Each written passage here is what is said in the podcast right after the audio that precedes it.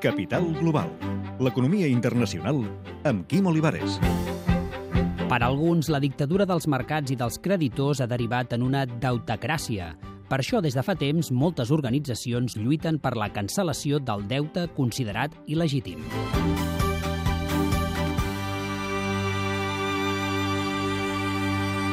El concepte de deutacràcia en realitat el van acunyar els, els nostres companys grecs. Yolanda Fresnillo, sociòloga i autora de l'informe La deutacràcia com a amenaça global. I representa aquesta situació en la qual l'economia i la política d'un país es veu totalment condicionada pel pes del deute, tant privat com públic. El pagament d'aquest deute passa per davant de qualsevol altra despesa i la nostra, el nostre dia a dia, la nostra vida, la nostra salut, la nostra educació estan condicionades per aquest deute. Vivim en una societat organitzada al voltant del deute. Ramon Sánchez Tavares, catedràtic d'Estructura Econòmica i Empresa de la Universitat de Barcelona.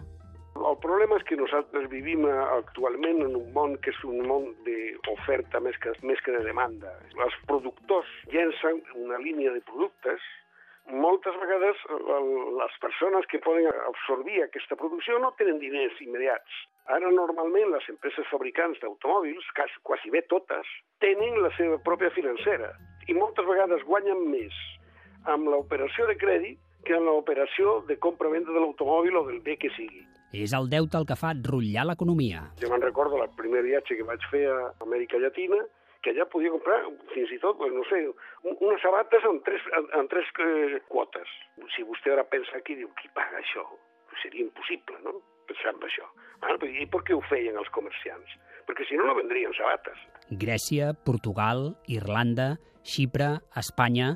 És llarga la llista dels estats on el deute s'ha convertit en un factor central de la vida política i econòmica. Des de la crisi del deute dels anys 80 a Amèrica Llatina, eh, Àfrica i Àsia, països del Carib com Jamaica o com Granada, que estan en situació pràcticament de suspensió de pagaments, o països com el nord d'Àfrica, on diguem, els nous governs veuen condicionades aquestes polítiques que podrien tirar endavant pel deute heretat dels antics dictadors, o com el deute privat està d'alguna manera amenaçant l'estabilitat a països emergents com, com Indonèsia o com el propi Brasil. La deutacràcia està globalitzada. Als Estats Units, una iniciativa sorgida del moviment Occupy Wall Street ha comprat al mercat secundari el deute que algunes famílies van contreure per poder pagar despeses sanitàries. Strike Debt, an offshoot of the Occupy Wall Street movement, has managed to buy up nearly 15 Strike Debt ataca el deute, ha recaptat 600.000 dòlars a través de donacions i els ha utilitzat per cancel·lar deute de famílies valorat en 15 milions de dòlars.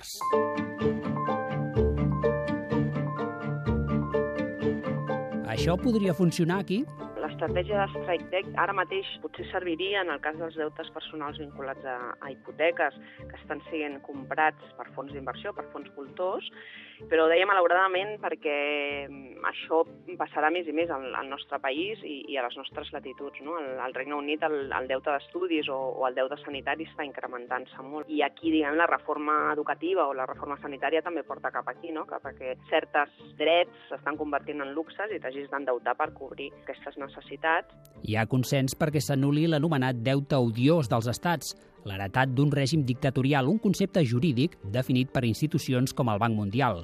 En canvi, no hi ha unanimitat sobre si s'ha de cancel·lar el deute il·legítim, un concepte polític. La plataforma Auditoria Ciutadana del Deute sí ho té clar. En general són aquells deutes que van en contra del de benestar de la població, els drets humans o que atenten contra els drets econòmics, socials i culturals, no?